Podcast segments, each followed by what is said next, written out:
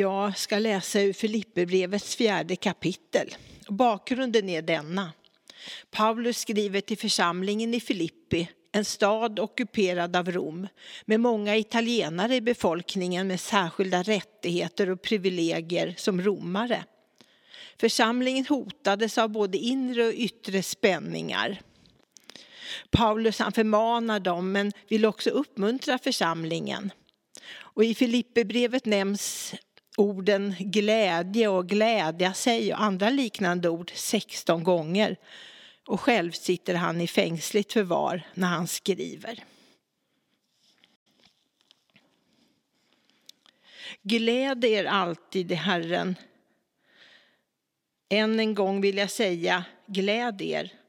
Låt alla människor se hur fördragsamma ni är. Herren är nära.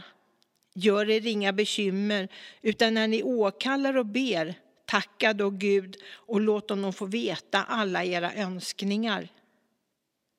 Då ska Guds frid, som är mera värd än allt vi tänker, ge era hjärtan och era tankar skydd i Jesus Kristus. Välkomna att fira gudstjänst med oss idag. Gudstjänstens tema är bönen.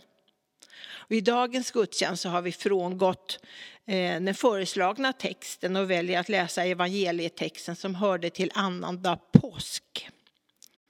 Eh, Karin Fritzson predikar, Kitte Ström sjunger solo och leder oss i de gemensamma sångerna med stöd av några i Korus Celeste. Eh, och jag, Kerstin Eitem, leder gudstjänsten. Sverker Forsberg och Ove Sommar spelar in, eh, sköter inspelningen i olika omgångar. Vi har tänt gudstjänstens ljus och barnens ljus och vi gläds åt att vara tillsammans med er idag igen. Låt oss be tillsammans. Tack Gud att vi får vara tillsammans så här. Det är det bästa just nu. Tack att vi så småningom kommer att sitta här tillsammans igen. Tack för barnen och ungdomarna som kommer hit till vår kyrka. Förskolebarnen, scouterna, söndagsklubben, SING och tonårsgruppen. Tack för allt arbete och all omsorg som görs för att livet här i kyrkan ska bli bra och tryggt. Tack för alla böner som bes för kyrkan och vårt liv här. Och jag vill be bönen som vi ofta ber tillsammans när vi har tänt barnens ljus. Och det är bönen 938 som finns i den grå delen i psalmboken om man vill delta. Käre far i himlen, tack att jag finns till. Hjälp mig leva riktigt, göra det du vill. Lär oss här på jorden tycka om varann. Låt oss få en framtid skyddad av din hand. Och vi sjunger psalm 210, Jag lyfter ögat mot himmelen och Kitte leder oss i sången.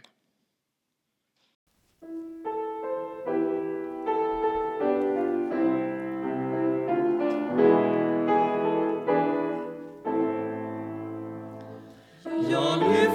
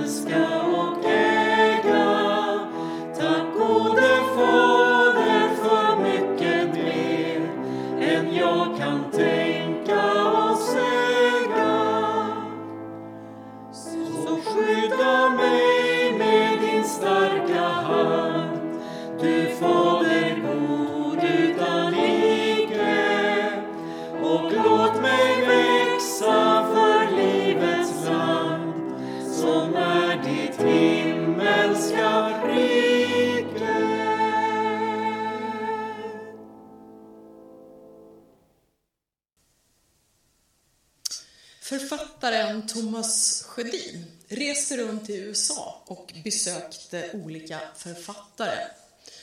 De här berättelserna har han samlat i en bok som heter Ljudet av tystnad. Och jag ska läsa lite grann ur den boken. Det handlar alltså om ett författarmöte. Philip Yancey visade, visade sig vara en mycket trevlig person och vi hade ett spännande samtal. Vi pratade mycket om bön, om det jag brukar kalla för det inre livets allemansrätt. Vårt samtal handlade mycket om naturen, om skog och mark och vackra platser vi besökt. Men allt mer kom det också att handla om rätten att få vandra inåt i de inre hemliga landskap som så lätt glöms bort eller missas i en tid av ständiga uppdateringar. Vi samtalade om behovet av pladderfria zoner, ytor som inte har någon täckning. Och vi talade om de där tre bokstäver långa ordet bön. Om bönen som ett sätt att ströva omkring i Andens värld. Att även i Andens värld våga spränga gränser, tälta, fiska, hajka, göra upp eld. Där krävs vare sig något åkband eller något fiskekort. Och kanske det viktigaste, att allemansrätten i detta inre landskap som kan uttryckas med ordet bön gäller alla. Det är inte bara förbehållet starkt troende människor att ströva omkring där. Och från ett annat ställe i samma bok så fortsätter jag. En av bönens viktiga positioneringsfrågor är Vem sökte upp vem?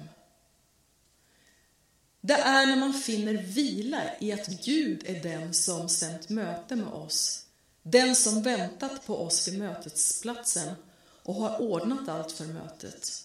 Det är då som vilan i bönen har en chans att infinna sig. Det är först då man kan få vara med om att bönen hamnar i en annan kategori än det som står på våra att göra-listor. Om det är Gud som ligger bakom mötet räcker det med att man infinner sig. Man slipper ha en agenda. Man slipper förbereda sig. Man kommer som man är. Upphängd och nersläppt, som man säger i Ådalen, för att beskriva den som dyker upp i befintligt skick eller som inte haft tid eller lust att fixa till sig. Hur vi gör och hur vi lyckas eller misslyckas får plötsligt underordnad betydelse. Mer än så. Plötsligt anar vi att vi inte kan lyckas och misslyckas i bönens värld. Är vi där så är vi där och då är vår del av avtalet så att säga uppfyllt.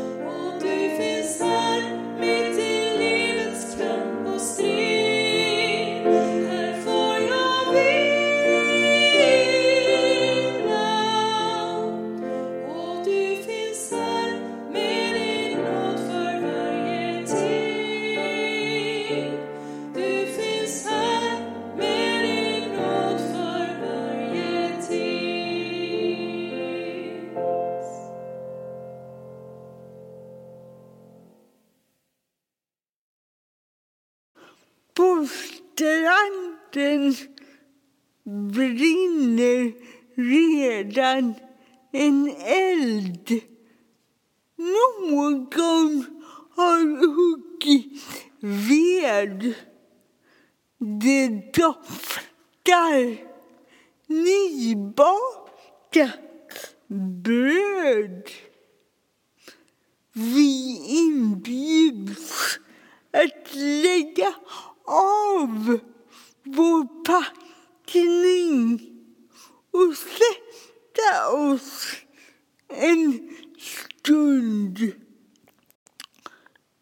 Thomas Sjödins skriver om det är Gud som ligger bakom mötet räcker det med att man infinner sig. Kan vi se så på bön? Inbjudan att möta, vara tillsammans med Gud. Att, att ströva är något annat än att ta sig från punkt A till punkt B. När man strävar behöver man inte ha något mål. Som när man träffar en god vän bara för att umgås. Ibland behöver båda prata av sig. Ibland är man tysta tillsammans och tuggar på en bit nygräddat bröd. Kan vi se så på bön? Vi sjunger tillsammans psalm 821. Du är en bön.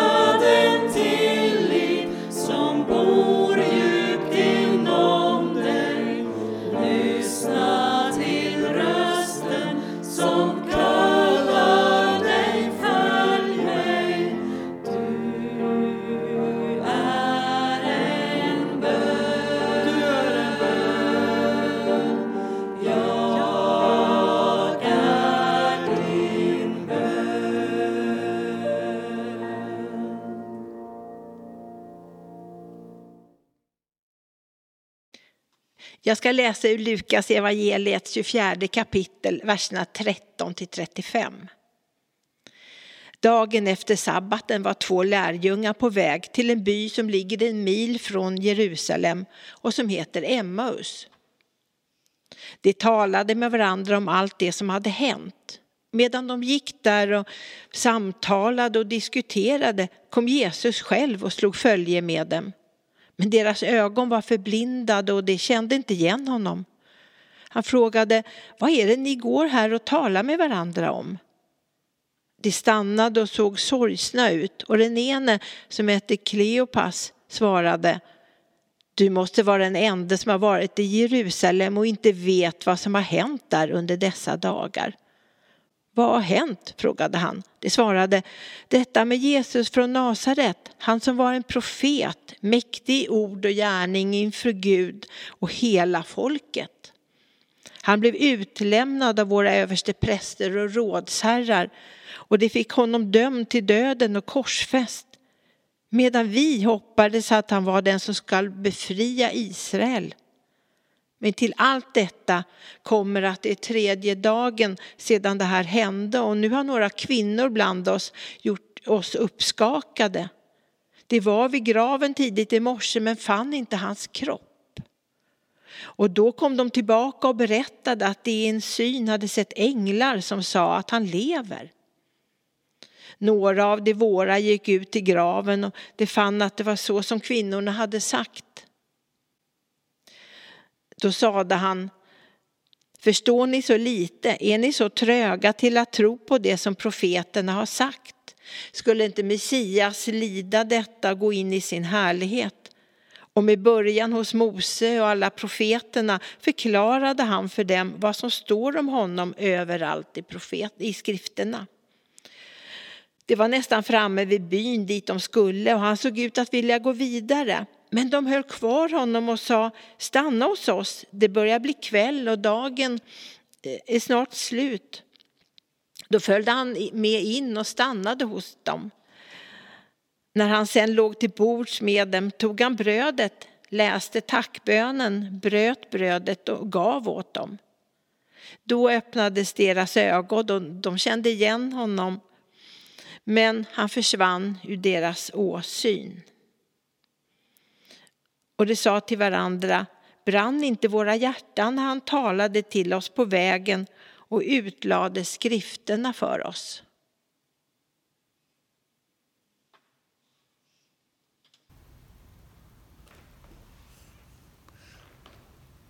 De två lärjungarna strövar inte omkring. Det är på väg från Jerusalem till byn Emmaus. Så som vi är på väg från tunnelbanan till affären, från båtklubben till svärmor på väg från och till. På vägen försöker de förstå vad som har hänt. Få ordning på ett virrvarr av tankar och känslor. Här finns inte tid för någon mysig lägereld. Men Jesus går eller små springer med. Han frågar vad är det ni går här och talar med varandra om? Vad har hänt? Jesus frågar vad som ligger överst oss. I Filipperbrevet läste Kerstin Herren är nära. Gör er inga bekymmer utan när ni åkallar och ber tacka då Gud och låt honom få veta alla era önskningar. Zoom-inloggningen som inte fungerar. Bubblorna i botten, bottenfärgen. Klimatkrisen och tiden hos tandläkaren. Längtan efter Men ibland tar orden slut. Vi kan inte reda ut vårt trassel. Rädslan och tacksamheten, vardagen och det globala. Ibland får bön formuleras. Jesus, du vet. Jesus, du vet. Som en korg med orensad svamp. Högen med oläsliga kom ihåg-lappar. Eller en lång rad emojor. Jesus, du vet. Gud tar emot som det är.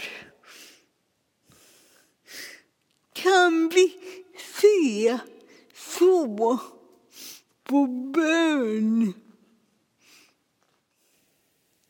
När bara du ser vågar jag visa mitt innersta? Det som är trasigt, som längtar efter det som är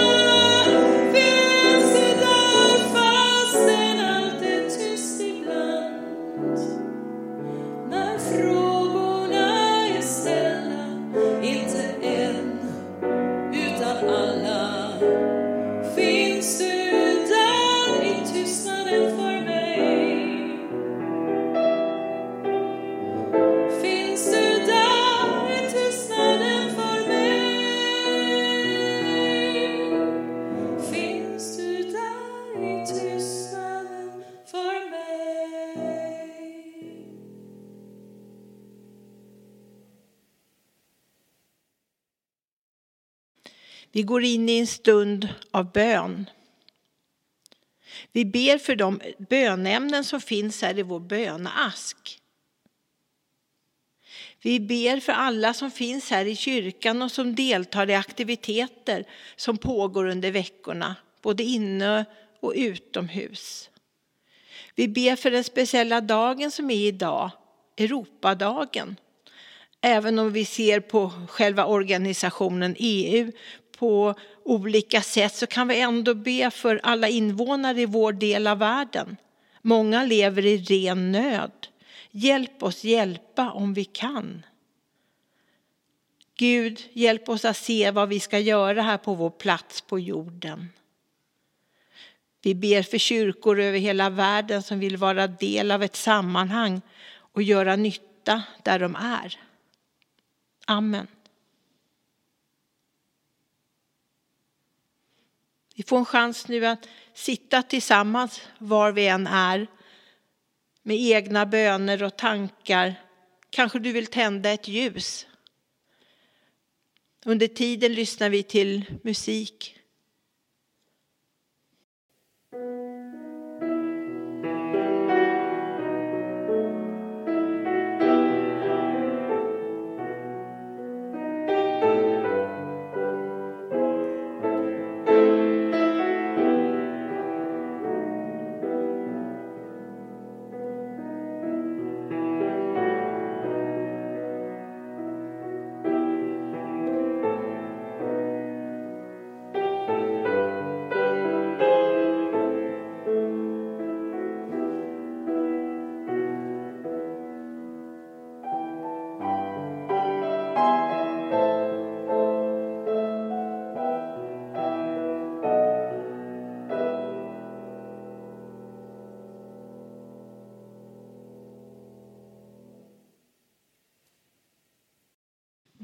Ber tillsammans vår Fader.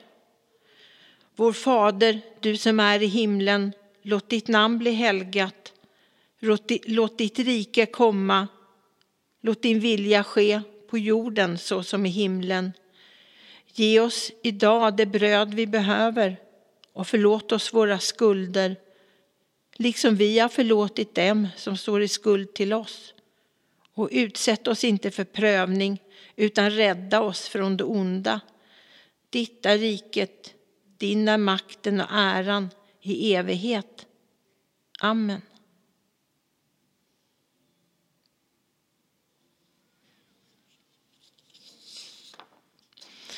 Vi sjunger psalm 826 tillsammans. Länge har jag försökt, länge har jag dig sökt, men nu ber jag, håll om mig tills jag ser dig, min Gud.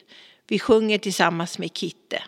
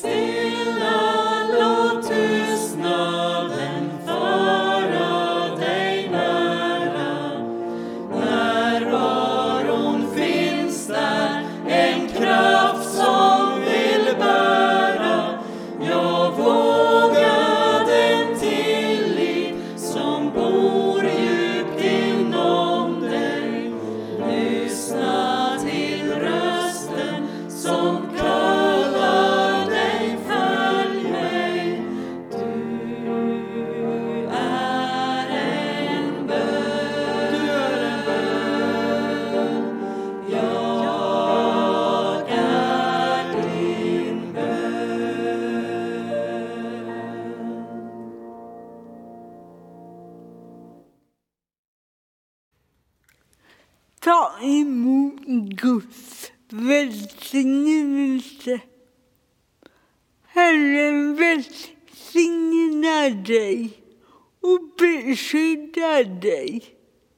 Herren låter sitt ansikte lysa mot dig och ger dig nåd.